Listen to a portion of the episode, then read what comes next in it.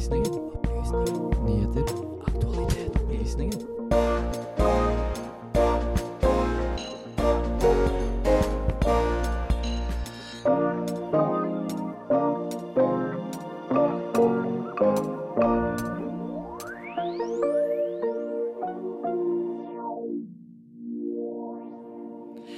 Joe Rogan har vært et hett navn i nyhetene denne uka.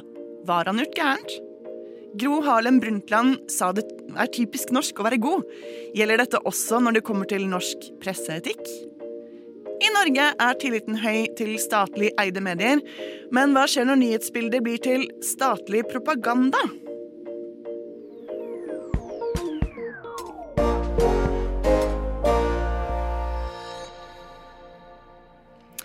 Hei og god fredag. Du hører på Opplysningen 99,3 her på Radio Nova.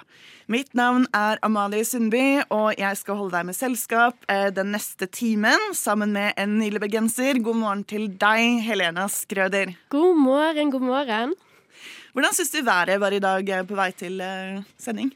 Den var egentlig ganske grå eh, og kaldt. Og så har det jo snødd så utrolig mye i det siste, så det var jeg egentlig ikke helt forberedt på når jeg kom tilbake til Oslo. Jeg var egentlig litt klar for vår, jeg. Ja, eh, vil du eh, om... Altså, syns du at Vil du omtale været med positive eller negative eh, adjektiver? Å nei, det vet jeg ikke. Eh, kanskje en god blanding? Jeg vet ikke. En god blanding høres jo veldig rettferdig ut. Ja. Eh, det jeg skulle fram til her, var jo at eh, i eh, Norge så er det jo sånn at hvis man blir omtalt med eh, negative adjektiver i media, så har man rett til å forsvare seg. Vet du hva vi er inne på, Helena? Ja, jeg har jo eh, Ja, jeg vet jo litt av hva du snakker om. Stikkordet er presseetikk, ikke sant?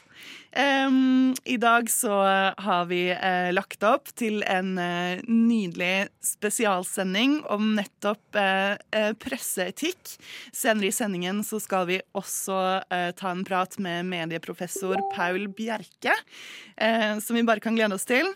Um, før det så skal vi høre litt musikk. Her kommer Great Grapefruit med What's The Use. God dag og god fredag. Hjertelig god fredag morgen. God morgen, god morgen, god morgen og god morgen. God morgen og velkommen til Opplysningen, Radio Nova sitt samfunns- og aktualitetsmagasin. Med opplysningen 99,3 på øret, ja, da blir det en god fredagsmorgen. Opplysningen 99,3. Hver fredag fra 10 til 11 på Radio Nova. Du hører altså på Opplysningen 99,3 på Radio Nova. Eh, vi skal i gang med første innslag i dag. Helena, eh, hvem er det du har laget sak om denne uken? Nei, jeg har jo laget en sak om eh, Joe Rogan og Neil Young. Og Joe Rogan han er jo en ganske kjent mediepersonlighet, og det har vært så utrolig mye oppmerksomhet rundt Joe Rogan, da. Fordi det er så utrolig mange musikkartister som har valgt å trekke musikken av han. Ja, og Tidligere denne uken kunne vi også lese at um, noen artister har truet med å legge ut mer musikk Ja. på Spotify dersom, man ikke, uh, dersom ikke kravene blir møtt. Det var jo det Uh, spesielt bare Egil, eller E- Egil Hegerberg, som han også er kjent for, uh, gikk ut og sa at han truet med å legge ut dårligere musikk dersom ikke kravene blir møtt. Men uh, la oss ikke dvele for lenge ved Egil Hegerberg og det flotte skjegget hans. Vi skal høre Helenas innslag om Joe Rogan og Spotify. Under pandemien har det vært mye feilinformasjon rundt vaksinering og vaksineskepsis flytende rundt på nettet. Joe Rogan, en kjent mediepersonlighet, skal i sin podkast The Joe Rogan Experience, som blir publisert på Spotify, vært med på å spre vaksineskepsis. I en episode av Joe Rogans podkast The Joe Rogan Experience hadde Rogan fått med seg en gjest, Robert Malone, som er en amerikansk biokjemiker og lege. Under intervjuet kom Malone med informasjon rundt covid-19-vaksine som strider imot de offisielle rådene som har blitt gitt fra Verdens helseorganisasjon. Dette har skapt en stor debatt, og Joe Rogan har hatt mye kritikk, bl.a. fra musiker Neil Young. Neil Young gikk så langt som å stille et ultimatum til Spotify. Ultimatumet var som følger. Enten fjerner du podkasten til Joe Rogan, eller så vil jeg ha min musikk fjernet fra Spotify. Spotify valgte å beholde podkasten til Joe Rogan og fjerne musikken til Neil Young. Dette har skapt et stort engasjement blant folk, men for å skjønne denne konflikten må vi først bli kjent med hovedpersonene i denne debatten. Hvem er Joe Rogan, og hvem er Neil Young? La oss begynne med skaperen av denne kontroversielle podkasten, Joe Rogan. Joe Rogan er en amerikansk mediepersonlighet, komiker, MMA-profil og podkaster. Podkasten The Joe Rogan Experience er en av de mest populære podkastene i verden, og har millioner av lyttere. Joe Rogan har hatt besøk av mange kjente gjester opp gjennom årene, og han legger ikke skjul på sine egne meninger i podkasten sin. Han er altså ikke en utdannet journalist, men er egentlig en vanlig kar som liker å ha samtale med folk, slik han har forklart det selv. På den andre siden av konflikten har vi Neil Young. Neil Young er en canadisk-amerikansk musiker. Han er en kjent låtskriver, vokalist og gitarist, og har i over 40 år vært en av rockens mest kjente personligheter. Og har fått nå i den siste tiden mer oppmerksomhet etter denne Spotify-Joe Rogan-konflikten. Men det er ikke bare Neil Young som har valgt å trekke musikken sin fra Spotify. Den 28. januar i år valgte Johnny Mitchell, en annen kjent musiker og en god venn av Neil Young, å trekke seg fra Spotify. Noe Neil Young og John Mitchell har til felles, er at de begge to hadde polio som liten, og overlevde. Dette er kanskje grunnen til at de synes det er viktig at det kommer riktig informasjon rundt vaksine, fordi de vet hvor katastrofalt det er med feilinformasjon rundt dette. Så hva er det som kommer til å skje videre? Etter at Spotify sin verdi på børsen har fått kraftig ned den siste tiden, og at strømmetjenesten har fått kritikk fra en rekke artister, har Spotify nå endelig tatt grep. Strømmetjenesten kom med en uttalelse at de ville lansere en faktaside de nærmeste dagene. Grunnleggeren av Spotify, Daniel Ek, forteller at strømmetjenesten i løpet av de neste dagene vil lansere en egen faktaside som inneholder verifisert informasjon om covid-19. Han forklarer også at strømmetjenesten ikke skal sensurere innhold, men skal sørge for at det er regler på plass, og det skal få konsekvenser hvis disse reglene blir brutt. Joe Rogan har også kommet med en uttalelse. Der forklarer han i en video at han ikke vet det gjestene hans uttaler seg om, er rett. Han sier også at han synes det er leit at New Young vil trekke seg fra Spotify, ettersom Rogan har selv hørt mye på musikken hans og er en fan. Deretter forklarer Rogan at han ikke er en doktor vitenskapsmann. og han sier at han bare er en person som setter seg ned med folk, snakker med dem og har samtaler med dem. Han forklarer videre at han ikke er interessert i å snakke med folk som kun har ett perspektiv, og han er åpen for å få besøk av flere mennesker med ulike perspektiver på hans podkast. Men det Rogan kanskje ikke har helt forstått ennå, er hvor stor innflytelse han faktisk har, med tanke på at han er en av de største podkastene i verden. Og det han og sine gjester uttaler seg om, vil millioner av mennesker høre om. Så vi får se om musikken til Neil Young og Johnny Mitchell kommer tilbake til Spotify. Men det virker som at The Joe Rogan Experience ikke kommer til å forsvinne med det første. Med tanke på at Spotify betalte 100 millioner dollar for rettighetene til podkasten i 2020. Reporter i denne saken var eh, Helena Skrøder, og musikken var hentet fra sessions.blue.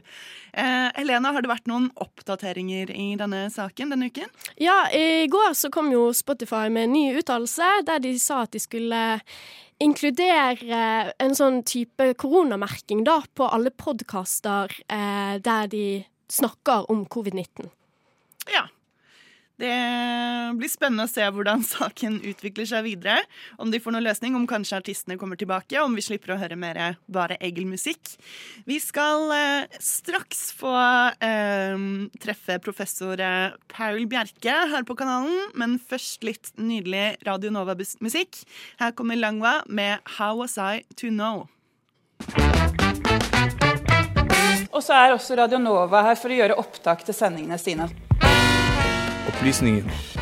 Vi er der det skjer.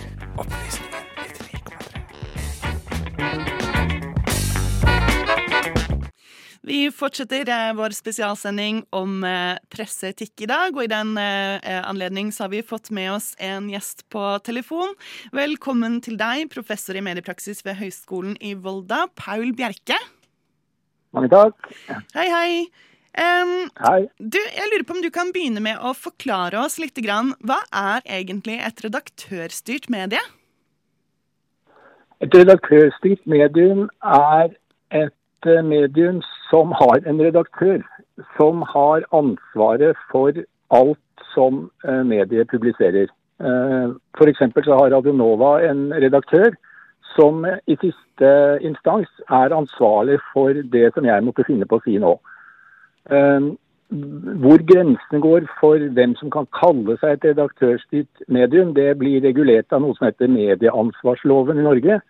Eh, Men grovt sett så kan man si at alt det som man oppfatter som eh, tradisjonelle medier, altså eh, aviser, radiokanaler, TV-stasjoner, eh, nettaviser, er redaktørstyrte medier. Ja. ehm, men jeg lurte på, fordi i dag så er det jo sånn at eh, eh, alle som vil, og som har en mobiltelefon eller PC og tilgang på internett, kan jo publisere innhold selv. Eh, hva slags eh, utfordringer kan det medføre da, med tanke på eh, kildekritikk og det ehm, å vite om informasjonen de kommer med, stemmer eller ikke? Ja, nei, Dette er på et vis to, eh, to spørsmål. Det ene er at eh, alle, som, alle kan nå publisere hva som helst på, eh, og distribuere det på et vis eh, over internett. Og I utgangspunktet så var det jo mye diskusjon om, om bloggere eksempel, som hadde en, en egen nettside hvor de, hvor de blogget. Eh, Det er ikke et redaktørstyrt medium, men, eh, men her er det veldig lett å si at den bloggeren har da det personlige ansvaret for det som det som blir publisert. Altså Hvis jeg hadde laget en blogg og, eller en, altså en egen nettside hvor jeg eh, skrev noe som var eh, ulovlig eller uetisk, så ville det være helt uproblematisk at det var jeg som var ansvarlig. Det som skaper problemet, det er plattformene. Altså de, de, de mest typiske plattformene er jo de sosiale mediene, altså av typen Facebook og Instagram eh, f.eks. Der er det sånn at i utgangspunktet så er Facebook bare en plattform som åpner for at alle kan publisere eh, det de vil. Mm.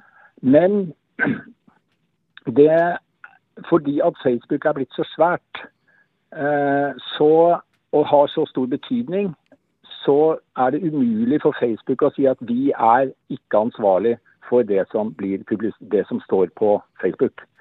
Selv om de juridisk sett stort sett kan slippe unna med det meste, så oppfatter de det som problematisk. Og Derfor så har eh, Facebook eh, satt i eh, sving ganske stor De har både, de har både elektroniske systemer og personer som sitter og følger med på hva som blir publisert, og avpubliserer eller le- merker ting som de syns er problematiske.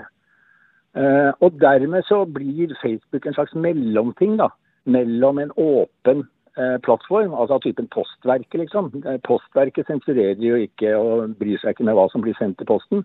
Eh, men Facebook bryr seg med hva som blir publisert på deres plattform. Og det skaper jo flere typer problemer. Det ene er jo at Facebook på den måten blir en slags overredaktør, som f.eks. da fjerner ting som er publisert av redaktørstyrte medier på Facebook, sånn som har skjedd med Aftenposten for et par år siden f.eks. Så, så det, er, det er der vi er, det er det der problemet er i dag. Det er at veldig mye av publiseringen på nettet foregår på disse plattformene. Og disse plattformene er jo eid av enkeltpersoner eller av selskaper.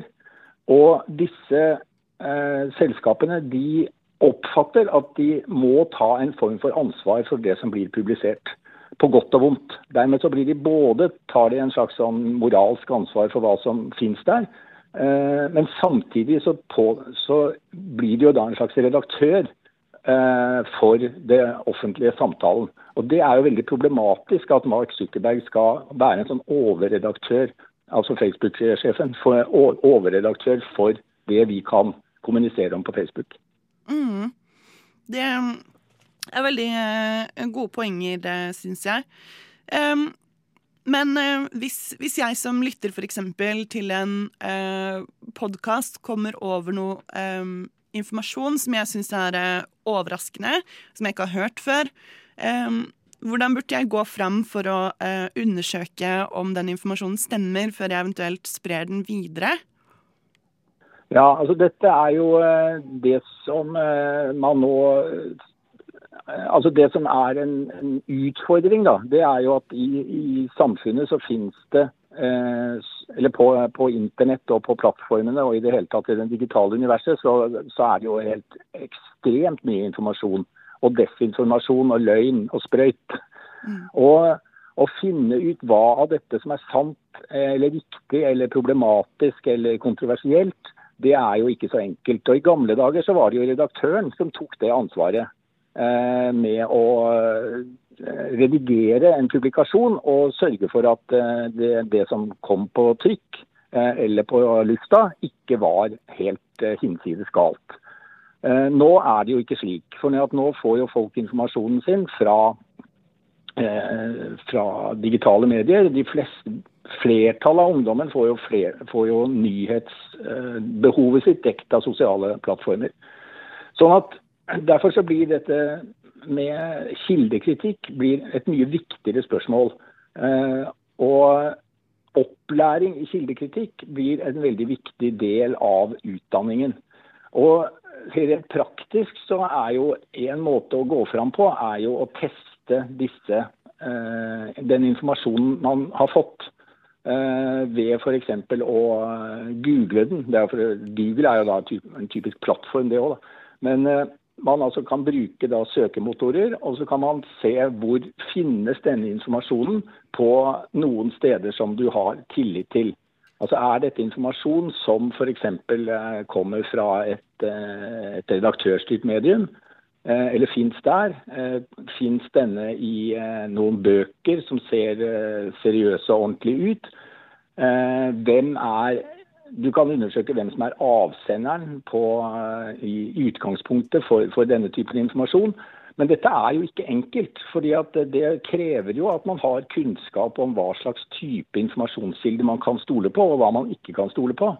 Eh, Og Det er jo noe som man ikke i utgangspunktet vet. Eh, Det er jo ikke så, det er jo i dag veldig lett å lage nettsider for som ser 100 profesjonelle og ordentlig ut, men som er bare sprøyt og ljug. Sånn at eh, det, dette, en, eh, dette krever en del kunnskap, og det krever eh, at man er bevisst på hva man, hva man leter etter.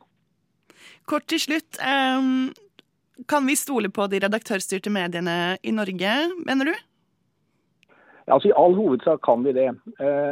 Men det er jo på en del områder hvor, hvor mediene etter, de, altså de dominerende mediene etter mitt syn er forholdsvis ukritiske eller ensidige. Da. Det gjelder spesielt i eh, overordnede samfunnsøkonomiske spørsmål, og det gjelder eh, internasjonal politikk.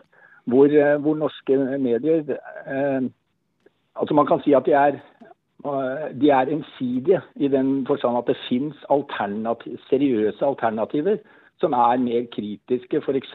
til Vestens opptreden internasjonalt og til de dominerende tankene i den økonomiske politikken enn norske medier er. Men eh, norske medier er eh, altså for, for å si det sånn de, Den konkrete informasjonen som blir gitt i norske medier, kan man i all hovedsak stole på. Ok, Tusen takk til deg, eh, Paul Bjerke, for at du ville snakke med oss. Ønsker deg en fin fredag videre. Ja, takk det samme. Ha det godt. Herlig musikk der altså, fra Baklengs salto. Um, og låta 'Jeg vil ha'. Og det er altså så provoserende at folk tror at vi tuller, men vi gjør ikke det, altså. Dessverre. Opplysningen på Radio Nova. Aldri redd, alltid balansert. Statlige medier, eh, Helena. Eh, Hva er ditt forhold til det? Eh, når du sier statlige medier, så tenker jeg jo egentlig på sånn NRK, BBC. Ja. NRK i Norge eh, har jo også fått et eh, hva skal man si, tilnavn fra de som ikke stoler på at eh, informasjonen de kommer med, er eh, objektiv. Eh, har du hørt om det? Ja, det er jo ARK, var ikke det, da? Og det står for eh, Arbeiderpartiets eh, Rikskringkasting. Yes. Ja, altså det er jo mange eh, Eller jeg vet ikke hvor mange det er, men vi hører jo stadig klager da over at eh, norske journalister er for venstrevridde. Ja. Og det er jo egentlig Det er jo veldig mye sånn aviser i Norge som enten er på venstresiden eller på høyresiden. Så det er alltid liksom vanskelig når man skal liksom lese i avisen om at disse er nøytrale, eller at de faktisk har en sånn politisk eh, tanke bak seg, da. Mm. Men eh, NRK, som er da statsfinansiert, har vel, eh, eh, tenker jeg, da et spesielt ansvar for å komme med um, upolitisk informasjon. Um, og vi har jo, um, det er flere land som har statskanaler. Du var inne på det selv med uh, BBC. Vår reporter eh, Benjamin Nordtømme har eh, sett litt på det der med statskanaler og prøvd å undersøke hvorvidt eh, informasjonen de kommer med, er nøytral, eller om det kan være propaganda. Den langdryge konflikten mellom Russland og Vesten har fått en ny dimensjon. Og denne gangen kan det være en fullstendig game changer. Onsdag i Berlin besluttet tyske myndigheter å stenge ned kontoret til den russiske statseide nyhetskanalen Russia Today. Bare 24 timer senere så velger russiske myndigheter å stenge ned Moskva-kontoret til Deutsche Welle, den tyske statseide nyhetskanalen. Et øye for et øye, en tann for en tann. Men kan det være noe mer her? Jeg tror det er viktig at vi bryr oss. Hva er det egentlig med statseide medier? Begge disse kanalene er rettet mot et utenlandsk publikum. Altså, gjennom historien, i revolusjon, krig og fredstid, har mektige stater og politikere sett verdien i å styre nyhetsbildet gjennom aktiv innblanding. Er det egentlig så annerledes i dag? Vi lever i et Europa der de geopolitiske spenningene er på sitt aller høyeste på veldig, veldig lenge. Diplomatiet har nesten brutt ned, og den nye kalde krigen har blitt et faktum. Når mange av de kanskje aller største mediehusene i verden er statlig støttet, hvordan skal vi klare å skille nyheter fra propaganda? Kjære lytter, det ligger store interesser i hva du hører og får med deg. I de neste minuttene skal vi egentlig prøve å gi deg noen svar på hvordan du kan navigere smart gjennom medielandskapet. Den nye informasjonskrigen trenger ikke være vanskelig, vi må bare vite hvem som sier hva, og hvorfor. Vi kan begynne med vinklingen vi er kjent med her hjemme. I skrivende stund står det mer enn 100 000 russiske soldater tilsynelatende klare til å invadere Ukraina. Siden 2014 har Russland okkupert og kontrollert Krimhalvøya og to deler av provinser øst i landet. Ukraina er et land med klare liberale ambisjoner om et mer vestlig orientert samfunn. Et samlet Europa og USA, som til sammen utgjør Nato, sender nå militær og økonomisk støtte til Ukraina med hensikt om å opprettholde freden. Røft regnet er dette budskapet blant vestlige medier. Både kommersielle kilder og statlige kilder, deriblant BBC, Deutsche Welle og vår egen NRK. Men det er jo ikke alle som ser det slik. I våre medier så får skeptiske stemmer slippe til. Som da et Nato-skeptisk Rød Ungdom møtte Unge Høyre i Dagsnytt 18. En venn fortalte meg nylig at han hadde funnet en Instagram-konto som han likte veldig godt. Min venn er aktiv på ytre venstreside i politikken, og kom over Redfish, en venstreorientert nyhetsside med nesten 500 000 følgere. Redfish så ut til å bekrefte mye av det min venn trodde om verden, men vennen min forteller meg at han syns det er noe som skurrer. For Redfish er nemlig eid av den russiske staten, men har en antikapitalistisk, antiimperialistisk profil. Hvordan kan det ha seg? Her får vi høre at Nato er en krigshisser og har ekspandert nærmere og nærmere Russland, som føler seg forrådt og misforstått. Russland hadde lov til å annektere Krim, fordi befolkningen der ønsket det jo.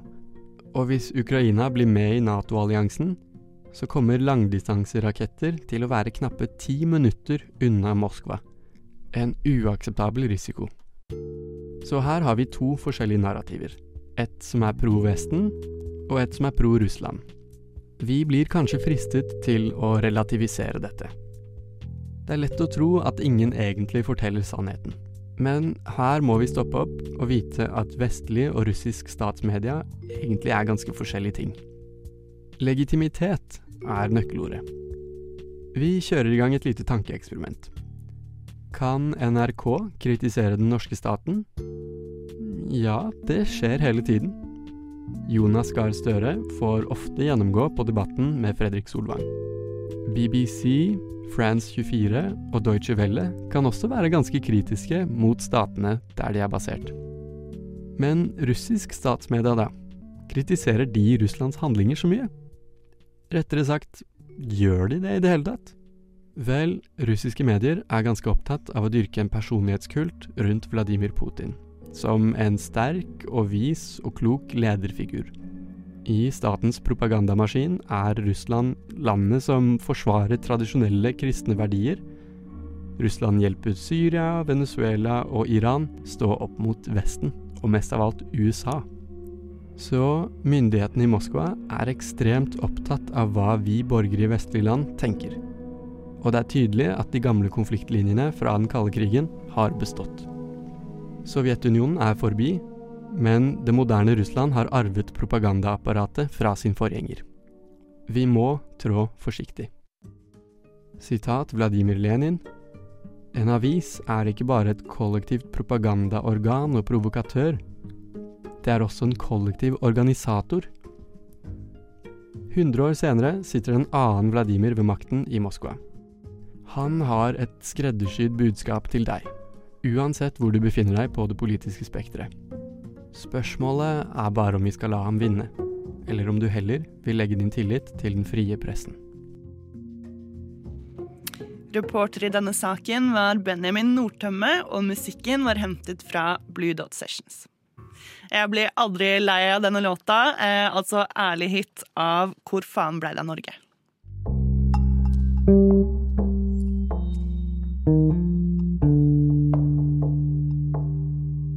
This is insane. I've never seen this in any other country. Never in my life. People eating from the trash, fighting about it. Eh, Når så mange er ensomme, så ligger jo på en måte ikke dette på, på individleger. Det ligger på systemet. Vi er i ferd med å ødelegge evnen vår eh, permanent kognitivt i hjernen til å konsentrere oss over lengre tid. Radio Novas samfunns- og aktualitetsmagasin gir deg historiene, sakene og debattene andre overser. Aldri redd, alltid balansert. Opplysningen Det går mot slutten av eh, sendingen til Opplysningen 99,3, men eh, for all del, bli sittende ved radioapparatet ditt. Straks kommer eh, studentnyhetene, og vi har fått med oss Lea her. Hva kan dere by på i dag? Vi har masse spennende vi skal snakke om i dag. Vi skal finne ut av hva studentparlamentet er, og hva de gjør. Og så skal vi snakke om samenes nasjonaldag, som er på søndag. Og så skal vi finne ut av om elever som kommer rett ut av videregående, er klare for høyere utdanning. Ja, um, uh, Helena, du har jo kjent litt på det, kanskje. At det var litt skummelt i starten å begynne med eksamen. Beklager hvis jeg utleverer deg her litt, men, uh, men da har vi jo hatt uh, pandemi og alt mulig, og det har ikke vært så mange eh, muligheter for å øve på å ha eksamen. Nei, nei, fordi eh, før jeg begynte på universitetet, jeg hadde faktisk aldri hatt eksamen. Så eh, det var uh, veldig interessant. Ja. Og jeg, jeg ble faktisk uh, Ja, jeg fikk Jeg ble ganske satt ut. Eh, men ja. Men det gikk fint. Ja. Det er bra. Yes, da tenker jeg at jeg bare skal ønske dere lyttere en veldig, veldig god helg. Eh, medvirkende i denne sendingen har vært Line Lise Benhus, mener jeg, eh, Benjamin Nordtømme, Helena Skrøder. Tekniker har vært Sander Zakaria. Eh, I studio har du fått høre Helena Skrøder og meg selv, Amalie Sundby. Da skal jeg gi ordet over til studentnyhetene etter litt deilig Radio Nova-musikk.